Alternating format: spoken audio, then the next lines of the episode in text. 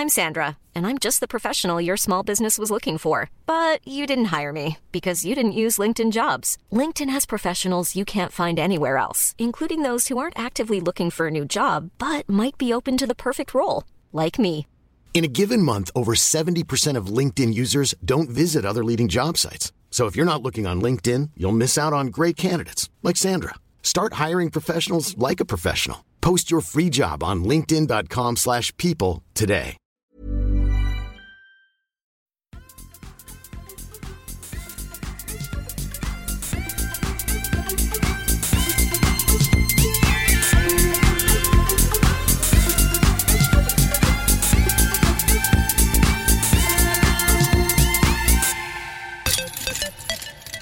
En vecka har gått och vi är tillbaka med Kedja ut, en podcast om discgolf. Jag sitter här hemma hos mig i Umeå och tätt intill har jag Niklas Nyman.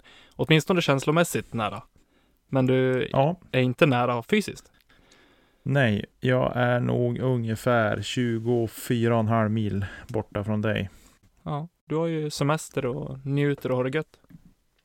Jag njuter vet jag inte om jag gör, men vi, vi håller på och bygger här på, i stugan och eh, ja, så det vi har gjort i lördags gjorde vi 13 timmar, i söndags gjorde vi 13 timmar, i måndags vart det väl kanske 8 för att vi hade ett regnuppehåll eh, där mitt på dagen då det började spöregna ordentligt och så.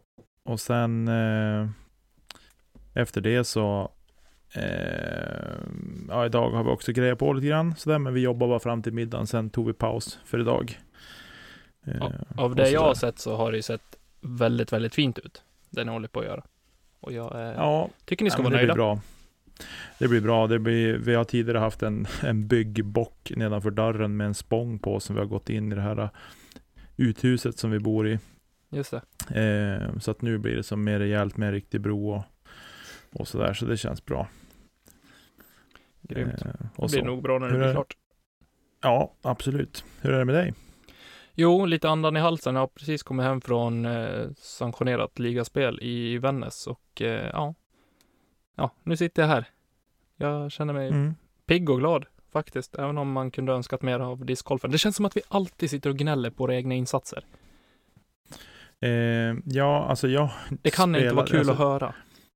Jag spelade sist för en och en halv vecka sedan när jag spelade någonting som var organiserat. Eh, och det var en kvällsdisk när jag inte spelade jättebra. Men eh, ändå så, jag har kastat lite grann här nu i stugan ikväll faktiskt. Eh, och eh, jag inser att spelar man lite så är man inte bra när man väl kliver på igen. Det har ju eh, mycket med känsla och muskelminne att göra. Alltså. Ja, något grymt. Jag, det var nästan otäckt dålig jag kände mig när jag började kasta. Men eh, nu tänker jag att jag ska försöka ta tag i det och försöka få till så att jag kan kasta lite grann varje dag här. Eh, Medan vi är kvar här uppe i stugan i alla fall. Det tycker jag. Kommer du vara king när du kommer hem sen. Det ska bli så innerligt roligt att spela med dig sen. Ja, det låter jag vara osagt. Eh, men det ska bli roligt i alla fall.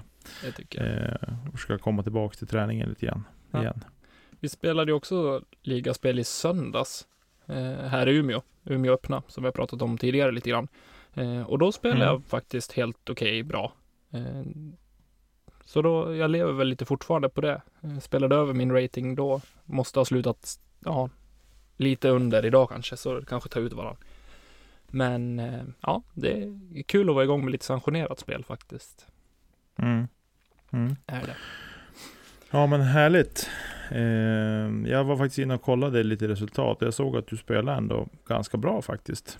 Ja, men till och från ändå. Eh, relativt, det var lite blandat. Relativt bra från 10. Eh, på de längre hålen i alla fall.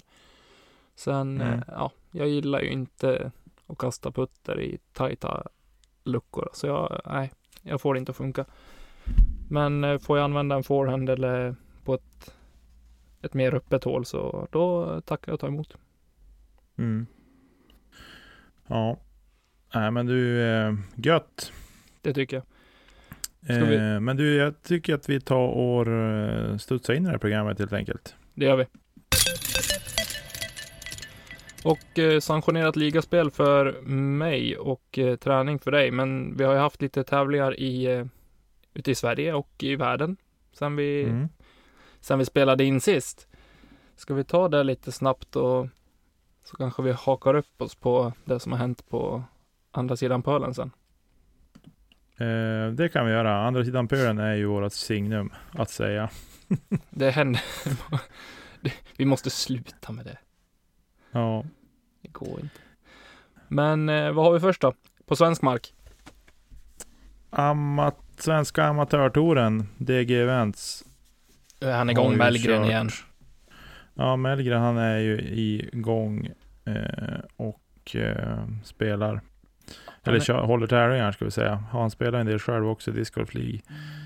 Eh, jag tänker att ska vi gå ner och kolla. Eh, ska vi börja med damerna, Det kan vi göra. tänker jag. Eh, och där har vi bara en klass vad jag kan se. Intermediate. Precis, intermediate damer. Eh, så efter, ska se här, efter tre runder eh, så har vi Susanne Ringbom på första plats, Mimmi Granat på andra plats och Erika Frank på tredje plats. Kul. Eh, de skramlar ihop lite poäng där eh, i total touren. Eh, men kul. Men då såg jag här när jag scrollade igenom listan att vi hade en till tjej som var med och spelade. Men som spelade på Novice. Är det Åh. våran kompis Elina Rydberg? Jajamän, Det är det. det är det. Hon smet in där och spelade på Novice och hamnade på nionde plats. Eh, men vi kan ta i Novice så eh, vann Albin Hagström före Magnus Felix och eller det var delad första plats där ska vi säga, så det blev förmodligen ett särspel. Ja. Kan jag tänka mig. Eh, för Albin står som ett i alla fall. Eh, Magnus Felix som tvåa och Patrik Holsten som trea. Eh, och om vi då sen hoppar upp på Recreational ska vi kolla här. Här hade vi inget särspel eller någonting, men där har vi Hugo Fröjdlund på första plats efter tre runder. Eh, ja, Max Koklov. Jag tar inte gift på det där uttalet, men eh, på andra plats och Björn Johansson på tredje plats. Klockrent uttal.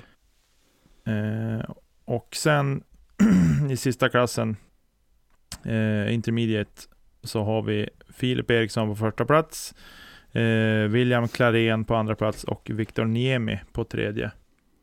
Fantastiskt. Eh. Tävlingen spelades väl på Ale Gul va? Eh, ja, det gjorde den.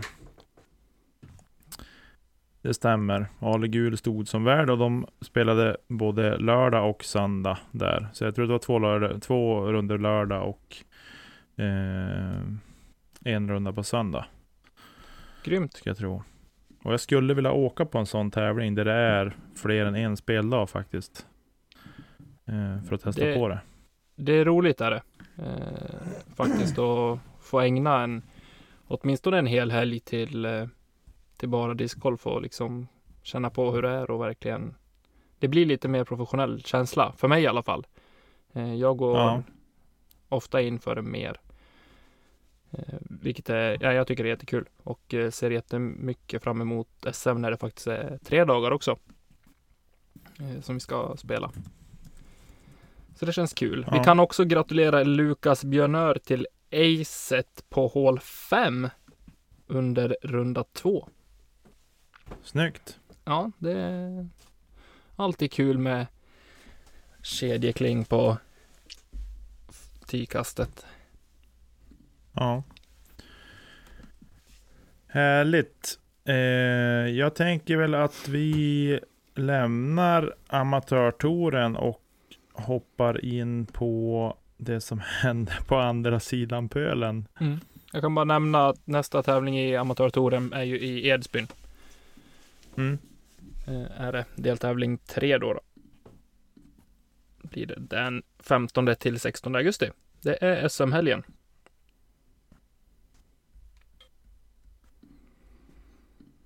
Just det.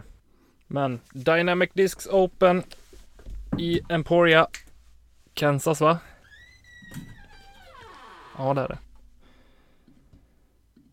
Har vi först och vi hade ju tippat lite där. Nu får, ja, ska vi säga spoiler alert för jag vet att folk är Ja, vill ju se det här i efterhand även om det kommer Ja. först i september. Vi säger spoiler alert, men det är ju typ augusti-september de har sagt att det ska komma. Mm. Så att, eh, ja. Och tävlingen har ju sänts live faktiskt, så då får man hänga med tycker jag Ja, jag såg ju faktiskt finalrundan. Jag såg. Eh, också. Jag såg alla runder tror jag. Ja, det gjorde jag. ja, precis. Eh, Om vi börjar på här sidan den här gången så hade vi rätt både du och jag i toppen. Paul tog hem det ganska klart kändes det efter två runder.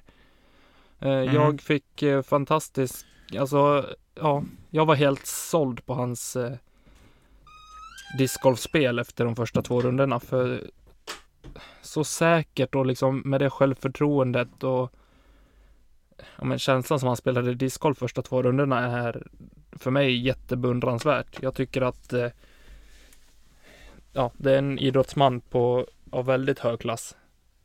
Är och det ett nöje att titta på. Eh, Mm. Och han visar verkligen varför han just nu är klart bäst i världen. För mig i alla fall. Jag tycker inte att det finns så mycket att, att prata om när det gäller Paul Macbeth i dagsläget. han är väl, han är väl, han är väl den som har högst lägsta nivå ska vi säga.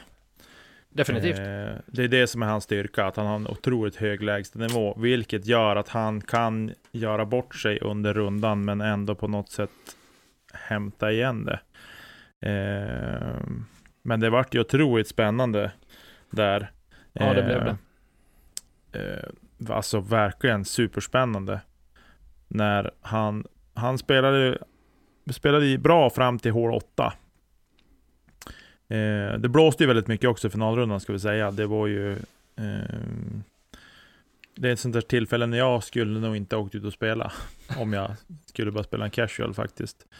Eh, men när det är tävling så är det tävling. Och då på hål 8, det är ju banans svåraste hål tror jag också enligt statistiken. Japp. Eh, där, eller ett av banans svåraste ska jag säga. Jag, ska, jag tror att hål 14 också är ganska svårt. Men i alla fall, han eh, tog en åtta där på en par femma. Eh, och sen gjorde han boogie-boogie efter det också. Så Mm. det, han, de kröp ju närmare de som jagade såklart. Ehm, och jag tänkte så att det, jag har ju inte samma, du är ju, har, var ju, du, vi mässade lite grann om det där att du verkligen var helt såld på hans första två runder. Ehm, och det är klart han gick både 10 och 11 kast bättre de första två rundorna än vad han gjorde på finalrundan. Jo, han gick ju bara ett Eh. kast eh, under par sista rundan.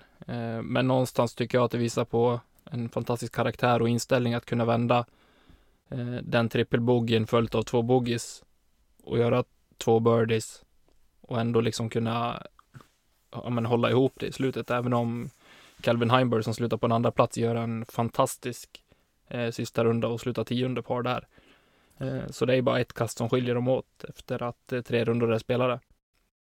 Ja, och det som är också den, det som är så fascinerande med Calvins runda, det är ju att den är ju i den vinden. Boogiefri Japp. och 10 under par. Eh, han var ju aldrig, han var ändå inte, han tog ändå inte något av Pauls första runder. Paul gick ju 54 första rundan och 53 andra rundan och Mm. Calvins sista runda som var hans bästa runda var 55. Så att det säger ju en hel del om hur bra Paul spelade de första två rundorna och egentligen grundla de, det grundla ju för hans seger eftersom Mm. det skilde på ett kast i slutändan. Sen ska jag säga, jag ser ju Calvin Heimberg som en väldigt, väldigt säker spelare. Om han får, om han får upp sin lägsta nivå eh, så kommer det vara en kille att eh, verkligen hålla ögonen på, vilket man egentligen bo, redan borde göra. Eh, men även framöver. För när han spelar på topp, då är han riktigt, riktigt bra. Ja, det är han. Och han hade ju inte så lätt i början. Att han scramblade till sig ett par på första hålet var ju otroligt bra med tanke på var han låg någonstans. Han låg ju otroligt dåligt till inför sitt, sitt eh, fjärde kast. Mm. Ehm, Så att han, eh, nej, han har en otroligt bra, bra eh, högsta nivå, ska vi säga. Verkligen. Eh, han, han var 50% i cirkel 2, eh, 67% i cirkel 1, eh, 100% scramble till exempel. Så att, eh, ja, nej, han, och 95% fairway hits. Det är klart att spelar du så, final, och det, det är finalrundan också ska sägas. Mm. Eh, det blir liksom att, ja, eh, det krävs, krävs eh, bra fokus i den vinden och hålla ihop det så pass bra. Men då kan man ju undra varför han spelade så sämre än de första två rundorna när det var bättre förhållanden. Mm. Eh, men ja, Han har ju sporten är ju häftig på så vilat vis. lite grann han också. Det ja. Svårt att komma in i tävlingsmode igen. Direkt skulle jag tro. Eh, Att det säkert har påverkat eh, honom det här med, ja, med frånvaron och sådär. Från eh, tävlingarna. Ja, Om jag får gissa. Eh, jag tänker det jag också, att det har påverkat honom eh, såklart. Jag tror att det har påverkat alla spelarna mer eller mindre. Sen att det inte märks på Paul, det är ju liksom han har ju ett otroligt starkt psyke. Det går inte att säga någonting om. Nej. Faktiskt. Sen har vi på tredje plats fyra kast efter Calvin, fem kast efter Paul så slutar Emerson Keith ganska stabila runder rakt igenom. 57-55 och eh, en lite sämre tredje runda på 64. Mm. Mm. Eh, har väl ingenting egentligen att, att gnälla på, på hans prestation heller. Han visar att han kan vara med i toppen och, och verkligen är att räkna med på de stora tävlingarna. Eh, det som imponerar på mig mest är ju faktiskt hans eh, hans putting inom, inom cirkeln. 71 procent genom i sista rundan ändå, trots en, eh, ett sämre score. Ja. Eh, precis, och sen det jag tycker är så intressant med Emerson är att han, han, eh, han väger ju av hela tiden. Otroligt noggrant. Ja, han spelar otroligt Eh, moget. när han ska gå för det och inte. Eh, och det är ju inte alla som, som eh, spelar så riktigt. Nej. Men eh, ja, nej, han spelar otroligt moget faktiskt. Och det sa han ju också i presskonferensen inför finalrundan. Sa han liksom att har jag chans att gå för det kommer jag gå för det. Har jag inte chans då går jag inte för det. Nej. Eh, liksom low risk spel. Helt Grymt. klart. Så våra, Eh, våra tips satt ju inte den här veckan heller speciellt eh, bra. Nej, vi, vi var ju, du hade i alla fall Kevin med på, på lead card inför finalrundan. Ja, det, det, väl, det var väl det närmsta jag kom. Eh, ja, jag får väl vara nöjd så helt enkelt. Ja, precis. Eh, nej, han, eh, han började ju dåligt. Redan på hål 1 så ställde han ju till det för sig ordentligt. Jo.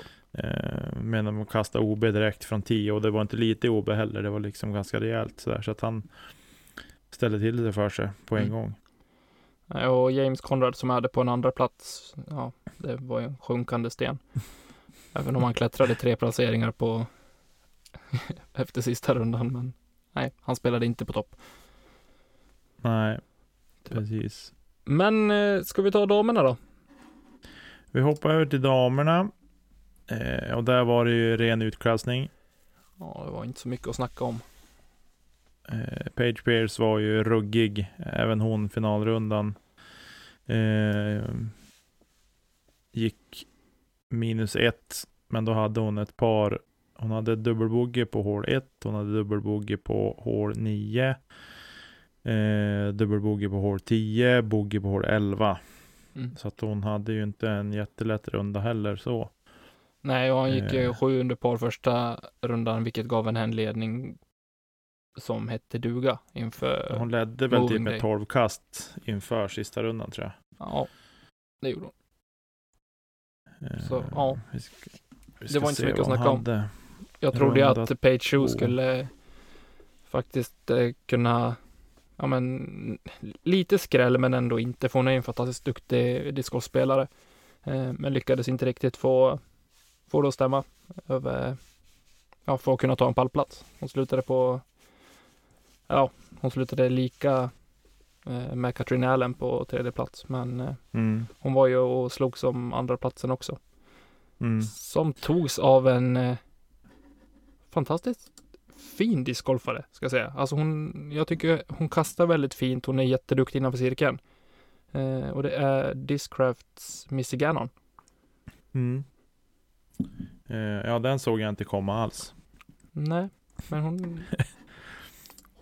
jag tror verkligen hon har utnyttjat eh, eh, den här pausen, eller ofrivilliga off-season 2.0, att, eh, att verkligen ta träningen på allvar här. Eh, och jag tror att vi Mm. kan se henne på, på lead card längre fram i höst också. Eh, ja, ja, absolut. Det tror jag också. Sen kändes det som, det var inte liksom heller, var det ju kanske inte, det var inte jättemånga, st- startfältet var ju inte jättestort heller. Nej. Eh, på damsidan, så att jag tänker att det kommer nog under säsongen att eh, komma fler spelare som kommer att kunna utmana. Eh, men Page, likt Paul, med eh, byte av sponsor, har ju verkligen visat sig eh, vara ett genidrag. Eh, och hon har också utnyttjat off-season så att säga. På ett bra sätt. Verkligen. Vem vet, det är ju dags nästa helg igen och eh, för tävling. Great Lakes Open, Milford, Minnesota. Mm. Alla som vi såg på både lead card och på pallen kommer att eh, ställa upp där också. Som det ser ut just nu. Otippat Jag tror inte med, ta- med tanke på hur, hur ehm, Nej, Katrin Allen är inte med på startlistan. Okej, inte. men hon har varit lite sådär till och från. Ja. Man, man har, hon har inte spelat alla stora tävlingar heller. Eh, Bara få slänga in nog. en snabb bubblare till eh, nästa helgs tävling så Kaeli Viska. Hemmaplan. Jag tror att det blir bra. Jag tror att han kommer göra bra ifrån sig. Eh, ja. Eh, Great Lakes Open. Ja, men det är väl hans hemmabanor va? Jo. Eller hemmabana. Ja, han borde ju rimligtvis spela bra. Tänker Här jag. Men vi har haft fel förr. Jo, det har vi haft. Eh, Men jag tyckte de nämnde det i sändningen sist att de ska ju faktiskt spela på en helt nybyggd bana där han har haft lite fingrar med i spelet också. Ja. Det blir kul att följa. Ja. Ja men du är gött. Nej men du, det här är inte Eh, alls Great Lakes Open jag pratar om. Jag skojar. Eh, Men det är en tävling i Minnesota med där eh, Leiviska ska ha varit med och gjort den banan. Och den kommer nu i helgen. Men det är ingen Disc Golf Pro Tour. Är det inte. Okej. Vad heter tävlingen? Oh, nu satte du mig. Det har jag inte tagit fram. Nej, okej. Ja, ja. Det får folk googla fram själv. Det ska i alla fall spelas i helgen. Härligt. Men du, ska vi hoppa vidare till lite diskussions eh, segment, tänker Yes, det gör vi. jag. Sådär. Eh, ett, en lite tråkig grej som hände. Eh, jag har försökt lyssna ikapp på Foundation Disc Golf, alltså Griplocked-podden Ja, eh, här på slutet när jag har jobbat och så. Och man har bara kört på och producerat. Eh, sådär. Men sen helt plötsligt hux flux så har Zack lämnat podden och Foundation Disc Golf helt och hållet. Eh, och in så har eh, Brody Smith och Paul Macbeth klivit istället. Eh, och kör på. yes. 100% Discraft alltså. Eh, vad, har du några tankar om det eller ska jag börja dela mina? Jag kan väl ta det, det som jag har fått till mig eller fått alltså från källor så är det ju att eh, Paul var ju med från början tillsammans med Hunter och eh, skulle starta Foundation Disc Golf. Men eh, i och med hans eh, sponsorbyte från Innova till Discraft så blev det lite mycket och han valde att ta ett steg bak. Därav så ersatte eh, Zac Paul från början och har liksom varit med under hela starten och fram till nu egentligen då. Mm. Och när Paul kände att, eller ja, Paul klev in i, i företaget nu. Han har ju säkert varit med eller haft några fingrar med i spelet innan också, men inte på, på samma nivå som han kommer ha nu. Mm. Så ja, får jag killgissa lite grann så har de väl på något sätt köpt ut eh, Zack från hans post i, i företaget och eh, i addition till det här även fått hjälp av eh, Brody Smith också. Eh, ja, det är ju skapliga reklampelare. Det är korrekt. Eh, om, vi, om vi säger så. Men jag tycker att eh, jag tycker väl någonstans att det känns trist också. Att det har blivit så. ja, jag gillar varandra. Han var, han var mysig. Både att titta på och lyssna på. Jag tycker han var rolig. Ja, jag tyckte att det var han som liksom gjorde den där podden på något vis. Ja. Eh, om jag ska vara helt ärlig. Mm. Och så, sen, det är klart att det, podden är fortfarande liksom bra. Det kommer väl att vara en övergångsperiod också, liksom att man ska lära sig nu att ja, men nu är det Paul och Brody som är med där istället. Jo, de körde ju Eh. senaste avsnittet ensamma, Paul och Brody, efter eh, Dynamic Discs Open. Eh, och gick igenom Ja. lite grann där. Ja. Precis. Ja, men det enda jag liksom, eh, mina första reflektioner över det där är väl liksom att jag tycker att den har blivit eh, lite svårare, lite sämre faktiskt och lite svårare att lyssna på. Eh, dels för jag tycker att, eh, men det är väl kanske sån han är, Brody. Jag tycker han tar enormt mycket plats i podden eh, och lite gapig emellanåt. Mm. Eh, faktiskt. Ja. Men, jag håller med dig. Eh, sådär att han liksom pratar i mun på, på de andra lite grann och sådär. Eh, men, ah, samtidigt så, ja, det är ju det är sån han är. Jo. Liksom. Har, man, har man tittat på alla hans trickshots och allting han har varit med med Dude Perfect som är Ja, de är Brody i kubik när det gäller till att skrika och leva om och sådär. Så, då- så att jag kan någonstans förstå att det, att eh, det är en del av honom helt enkelt. Mm. Eh, Sådär. Men lite tråkigt i alla fall att Zack har lämnat. Det skulle vara otroligt intressant att se om han kommer upp med något eget. Eh, tillsammans med någon annan kanske. Eller vad han, jag hoppas inte att han har liksom blivit så skärpt av det här. Att han inte liksom vill vara kvar i det. För han var ju han var riktigt bra. Helt Ja. enkelt. Nej, som sagt, det var, de har ju försökt, eh, det var Iceberg TV som hade försökt luska ut lite grann vad det var som hade hänt och eh, hade inte fått något svar från varken Zack eller Hunter eller Hunter hade sagt att hänvisat till deras Instagram-inlägg där det bara var liksom, ja men tack för din tid Zack typ. Ja, jag tycker det, det öppnar ju bara upp för massa spekulationer och Jo. eh, ryktesspridning. Eh, sådär. Men ja, det är, väl, det är väl någonting som, det kan ju ha hänt någonting också som gör att det inte blir mer än så. Nej Eh, jag var inne och läste lite, jag var inne och läste lite kommentarer på deras Instagram när de, just den där posten Ja. och sådär. Och det var väl det var väl ganska blandat, men det mesta var nog att de tyckte att det var dåligt. Att de hade kickat Zack och släppt in eh, Paul och Brody. Mm. De tyckte att de, att de kunde kicka Hunter istället. Eh, sådär. Och det säger väl en del om hur pass bra Zack var för podden, tänker jag. Ja, och för företaget eh, förmodligen också. Ja, precis. Ehm, ja, men det var lite kort om det. Ehm, jag tänker att vi... ehm, vi säger bara så här, vi ska inte gå skilda vägar va? Du och jag nej. Nej, Nej, för mig så är vi en. nej bra. Ehm, jag tänker att eh, vi får försöka hålla ihop, än om någon av oss skulle få ett fett sponsorkontrakt med någon, tänker jag.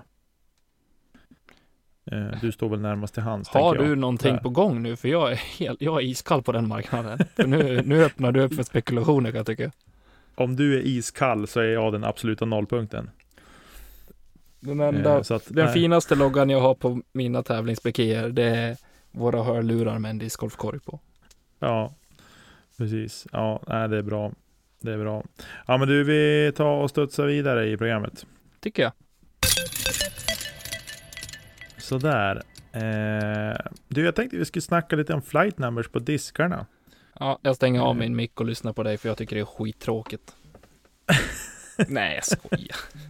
Eh, nej, men jag, eh, jag tänker så här att eh, det är mycket diskussioner om det här med flight numbers. Mm. Eh, både på här i Sverige, på Ska vi snacka discgolf på Facebook. Eh, det är mycket diskussioner på andra discgolfforum och andra poddar och så. Mhm. Eh, där de pratar om de här grejerna. Och där de flesta mer professionella spelarna, eh, och det är så säkert här i Sverige också, men det är inte så ofta att de är inne och skriver om sådana här saker på sociala medier, bland annat. Där de tycker att det spelar ingen roll. Jag skiter fullständigt i vad som står på disken. Eh, för mig handlar det bara, jag måste, jag måste testkasta disken för att veta hur den beter sig.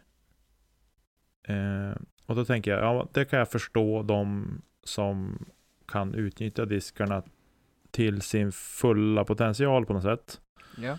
Eh, och med det menar jag att till exempel lite snabbare diskar, att har man lite trögare arm så kommer inte en snabbare disk att komma dig till lags kanske. På samma Nej. sätt som de här storpojkarna kan. Eh, Men om Men du ser, vad vad- har du för hur- nytta utav dem då? Om du ser det från det hållet, alltså vad, vad kan de hjälpa dig med? Eh, Just Eh. eh, diskens flight numbers. Men jag, jag tittar på dem, absolut. Eh, men det, det är oftast liksom om man ska testa en ny disk och beställa en disk till exempel. Mm. Eh, nu är det inte jätteofta jag gör det. Jag försöker stötta den lokala eh, handlaren så att säga. Mm. Eh, men då, är, då, då tittar jag absolut på dem. Men sen blir man ju liksom ändå paff att men den här disken är ju inte ens nära. Jag har en sån disk i min bag bland annat som inte alls flyger till närmelsevis det jag tycker att siffrorna säger att den ska göra eftersom att jag har två andra likadana diskar som är betydligt mer som siffrorna säger. Mm. Är du med? Ja, absolut. Eh, Men om du tar det från, att- nu, nu utmanar jag lite här. Vad, finns det någon disk som du känner, okej, den här flyger exakt som siffrorna säger, eller som siffrorna borde? För någonstans måste det finnas ett, ett nollvärde, typ, på, på en disks siffror, om man ska vara sån liksom. Ja, men alltså. Eh, jo, men jo, jag tycker att jag har, jag har nog ett par diskar i min bag som, som flyger enligt flight chart om vi säger så. För det är Ja. därifrån siffrorna kommer någonstans. Mm. Eh, så att jo, det tycker jag.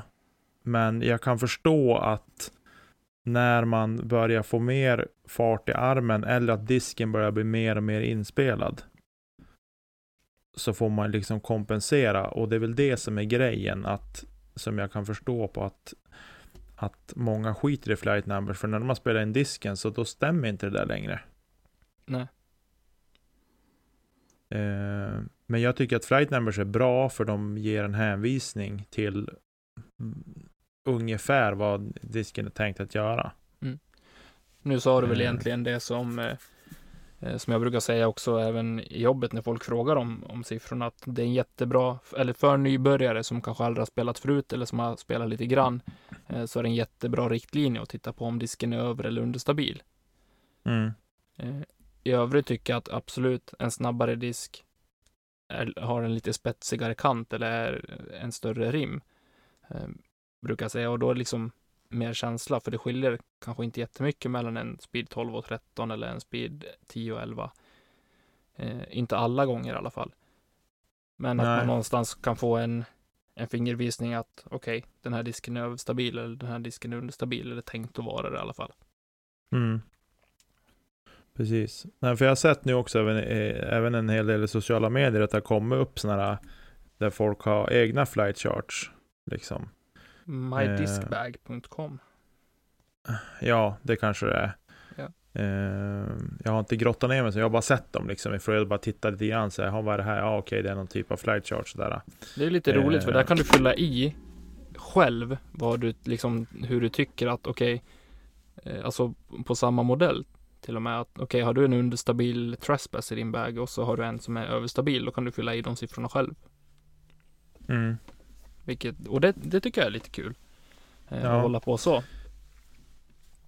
på dem. Men det, Eh, ja, som sagt, jag tycker inte att siffrorna är eh, egentligen allt nära sanningen alla gånger. Nej, det är det inte. Definitivt inte. Eh, sen tror jag också det beror på liksom eh, Alltså hur den är. De här alla diskar har ju gått igenom en process i en fabrik någonstans. Eh, och att det vet jag själv för att jag jobbar inom industrin i, i många år.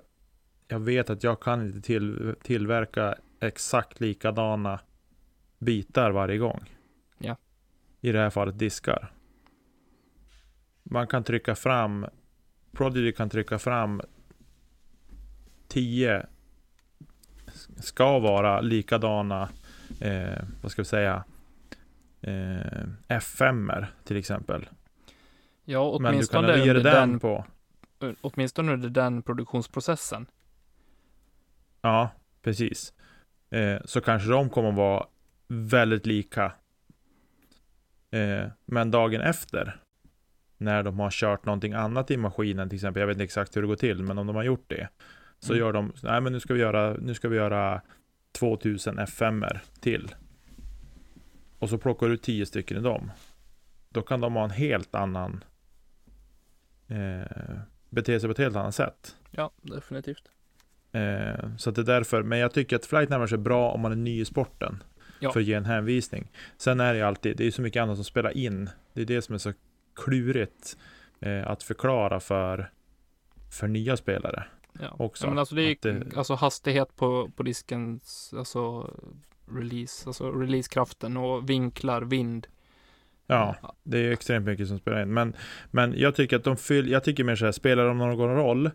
Eh, ja, för nya spelare spelar de roll. För att ge en hänvisning. Mm. Det kan Eh, vara ett er- bra hjälpmedel. Ja, det är ett bra hjälpmedel för erfarna spelare. Eh, om jag kliver upp på ett hål eh, som jag aldrig har spelat förut. Tittar lite grann på hålkartan. Jag kanske har med mig någon som har spelat banan. Men ja, men det, korgen står där nere. Det är ju ändå väldigt mycket på... Jag tittar inte på siffrorna på disken då. Nej. Men du känner ju Ja. din bag. Du vet ju liksom Ja. hur dina diskar flyger. Exakt. Så att det är nog därför jag tänker att eh, flight numbers spelar roll, som jag sa. Men de eh, är inte lika viktiga ju mer erfaren man blir, helt enkelt. Och det ser man ju på många utav de duktigare spelarna också. Att Eric Oakley till exempel har fem eller sex Feldons i sin bag och alla flyger olika. Ja, Då stämmer ju inte Exakt. siffrorna på, på alla uppenbarligen. nej, precis. Och det är Min- olika plaster och de, ja, Ja, precis. det är mycket sånt. Så det är en Eh. djungel, så jag tycker att man ska prova sig fram för att liksom lära känna vad tycker man, vad trivs man med, vad ligger skönt i handen, för du kan få en, en överstabil disk och flyga mindre överstabilt om man säger, eller flippigare och åt det hållet också, absolut. Ja, precis. Ja, nej men som sagt, jag tycker att de, eh, de fyller en funktion, men eh, man måste lära känna sina diskar. Ja. Helt enkelt. Om man ska bli Definitivt. riktigt duktig på, på sporten. Faktiskt. Mm. Ska vi Ja, lämna men det, det var, flight numbers? Ja, jag tänker det. Det var det jag hade att säga om det. Du, vi, det börjar lukta mat här i min lägenhet. Oj, oj, oj. Ja, min sambo ställt sig och lagar potatisgratäng. Det är fantastiskt. Ja. Jag har kaffe och macka bredvid mig här, men jag tänkte det låter så styggt att sitta och smaska macka. Jag, dricker, jag sippar lite kaffe emellanåt. Det får man. Men jag tänker vi eh, fick ju faktiskt en väldigt bra både hänvisning och tillrättavisning till viss del av eh, Svenska Discgolfförbundets ordförande Mattias Nilsson här i veckan. Mm. Efter Superbra. vårt senaste inlägg. Ja, eh, jätte, jättetacksam. Eh, verkligen. Där han förklarar relativt ingående om eh, ja, men uppbyggnaden och så här. För vi var inne på lite grann med, med ekonomi och så här och uppmanade att eh, ja, men bli gärna medlem och betala den licensen för Svenska Discgolfförbundet. Eh, men det är lite, det, ja, det beror ju lite på för Svenska Discgolfförbundet är ju ett grenförbund under Svenska Frisbeesportförbundet egentligen. Eh, Mm. och som i sin tur är ansluten till Riksidrottsförbundet, är det? Är det? Ja, precis. Ja. precis. precis. Eh, och det är ju Svenska Frisbeesportförbundet som får, om man säger alla pengar som sen fördelas ner till grenförbunden då, via en, Ja. en nyckel som de har tagit fram tillsammans. Precis. Eh, och det är den, samma typ av nyckel som Riksidrottsförbundet använder, använder för att dela ut eh, pengar till alla idrottsförbund också. Ja, Och de ser Exakt. lite olika, det är uppdelat på lite olika sätt. Eh, Men Svenska Discgolfförbundet är ju det största grenförbundet under Frisbeesportförbundet, mm, som jag fattar det. precis. Ja, men vi kan väl säga så här. Eh, vi, dels ber vi lite grann om ursäkt för dålig research kring det här. Mm. Eh, men tack till Mattias som kommenterade eh, våran eh, senaste spoiler. Eh, inte den till det här programmet utan till det förra programmet, förra onsdagens program. Så var Mattias inne och skrev en kommentar på våran Facebook-sida eh, till den spoilern och förklarade lite grann eh, kring det här. Eh, gå in och läs där om ni vill läsa mer ingående på vad han skrev om det där och även lite grann om hur diskussionerna och så kring eh, SM-flytten gick till. Eh, och så. Och supertack till dig Mattias. Jag vet att du lyssnar. Eh, att eh, du tog dig tid att skriva där. Verkligen. Och, Jätte, ni, ska inte hängas, ni ska inte hängas på något sätt för att ni har flyttat SM. Jag har full förståelse för, för flytten efter eh, diverse olika kommentarer som har kommit på olika ställen kring det här. Eh, så har man liksom fått en hyfsat klar bild ändå om varför flytten blev av. Men nu är det som det är. Eh, och, så, och fortfarande är det någon som saknar boende eller så, behöver hjälp med det, så hojta så ska jag se vad jag kan hjälpa till med för någonting. Ska vi ha en ny programpunkt Nicke löser? Du, vi har haft så många olika programpunkter med Nicke någonting, så att jag det vet spår, inte. spårar ju nu. Det har skenat iväg det där. Eh, och så. Men som sagt, det, det finns att lösa. Ja. Helt Jag klart. kan bara nämna det snabbt att eh, det är en ganska positiv grej att eh, i det här ja, men i fördelningen av pengarna så börjar de att kika på en, en ny typ av fördelning där eh, det kommer spela en större roll, precis som vi var inne på där, hur många medlemmar förbundet faktiskt eh, har då. Mm. Eh, vilket eh, jag kan tycka är positivt. Ja, helt klart. Väldigt bra. Eh, det känns som att nu, det gäller att liksom passa på medan vi växer eh, och skapa oss förutsättningar Mm. för framtiden. Helt klart. Och vi var inne på det att de jobbade i princip gratis och det gör de ju faktiskt. Det är Peter Lundmark på kansliet som är anställd av eh, Svenska Frisbeesportförbundet eh, som Discgolfförbundet kan dra nytta av tjänster och så är det Emil Isaksson som har ledarutbildningarna. Mm. Eh, och landslagskaptenerna får ju lite omkostnader betalda vid EM samt eh, en mindre summa för inkomstbortfall och sådär. Mm. Och även juniorledare för juniorläger får sina omkostnader betalda samt en mindre summa för inkomstbortfall och sådär. Men styrelsen och tävlingsgruppen jobbar utan någon form av ersättning. Mm. Precis. Så det är Det på en väldigt hög ideell nivå vi, vi är på, även på förbundsnivå. Och det är Mm. som sagt stort tack till eh, för det arbetet som ni lägger ner eh, från centralt håll. Ja, såklart. Eh, utan er så skulle inte discgolfen kunna växa eh, och frodas, så att Det säga. är korrekt. Eh, och så. Ja, men du, ska vi hoppa in i sluttampen på programmet? Slutzrr. Vad Yes. Jag kan bara det hoppa in. Jag har, jag har gjort lite research nu under tiden. Eh, Helgens tävling, eh, The Preserve Championship, det är en Disc Golf Pro Tour eh, som kommer spelas i Clearwater, Minnesota. Så jag var på rätt ställe Ja, och det är Kaeli Viska som är Assistant Tournament Director. Det är hans bana, en ny bana som ingen har spelat förut. Eh, så det ska bli enormt roligt att följa det under helgen. men du, jag tyckte mig se någonting på Simons Facebook-sida. Att han hade varit där och testat den. Ja, jag har gjort det nu. Ja, men den är säkert Never ever played. Kul. Mycket kul. Så så ser det ut. Det blir discgolf för helgen och det blir discgolf pro tour. Ja, härligt. Då får man ha utkik efter livesändningar då. Igen, förhoppningsvis. Det tycker jag. Eh, på tal om ny bana. Jag ska testa ny bana eh, imorgon tror jag. Vad roligt. Eh, beroende på vad som händer. Eh, ja, men jag är ju uppe nu i Västerbottens inland.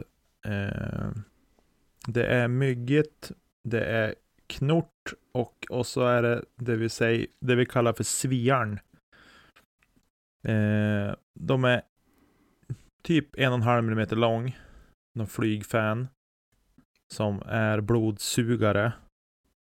Eh, och de attackerar en ju och inga myggmedel stoppar de ju i världen, verkar det som.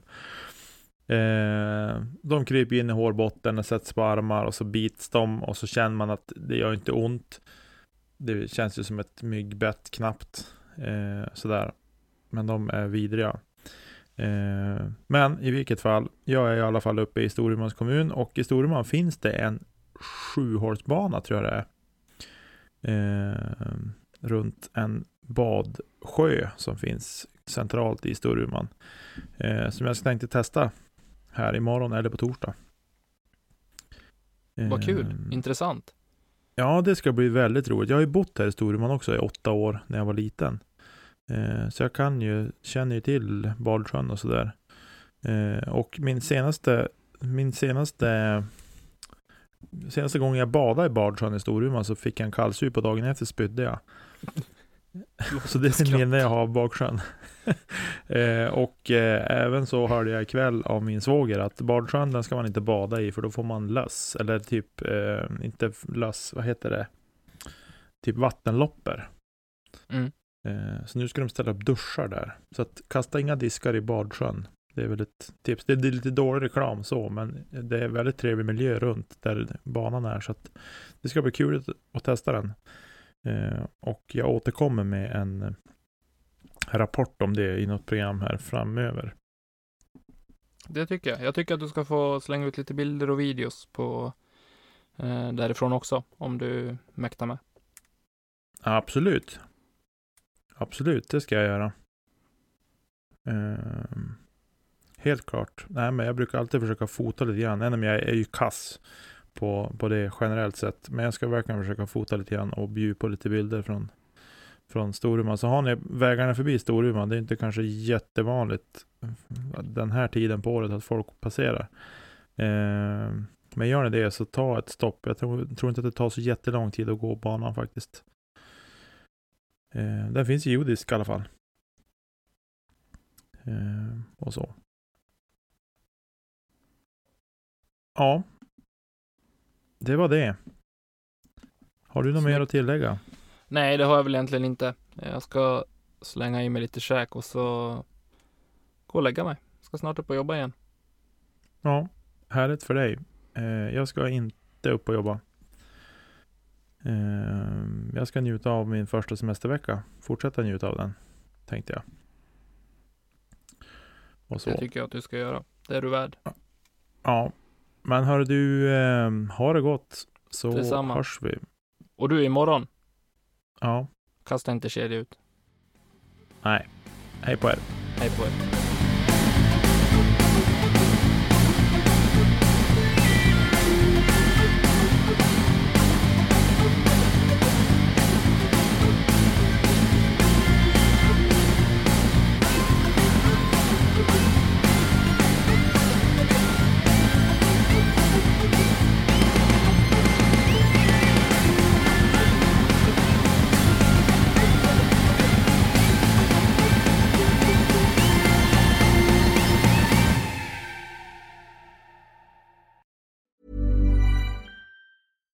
Hi, I'm Daniel, founder of Pretty Litter. Cats and cat owners deserve better than any old fashioned litter. That's why I teamed up with scientists and veterinarians to create Pretty Litter. Its innovative crystal formula has superior odor control and weighs up to 80% less than clay litter. Pretty Litter even monitors health by changing colors to help detect early signs of potential illness. It's the world's smartest kitty litter. Go to prettylitter.com and use code ACAST for 20% off your first order and a free cat toy. Terms and conditions apply. See site for details.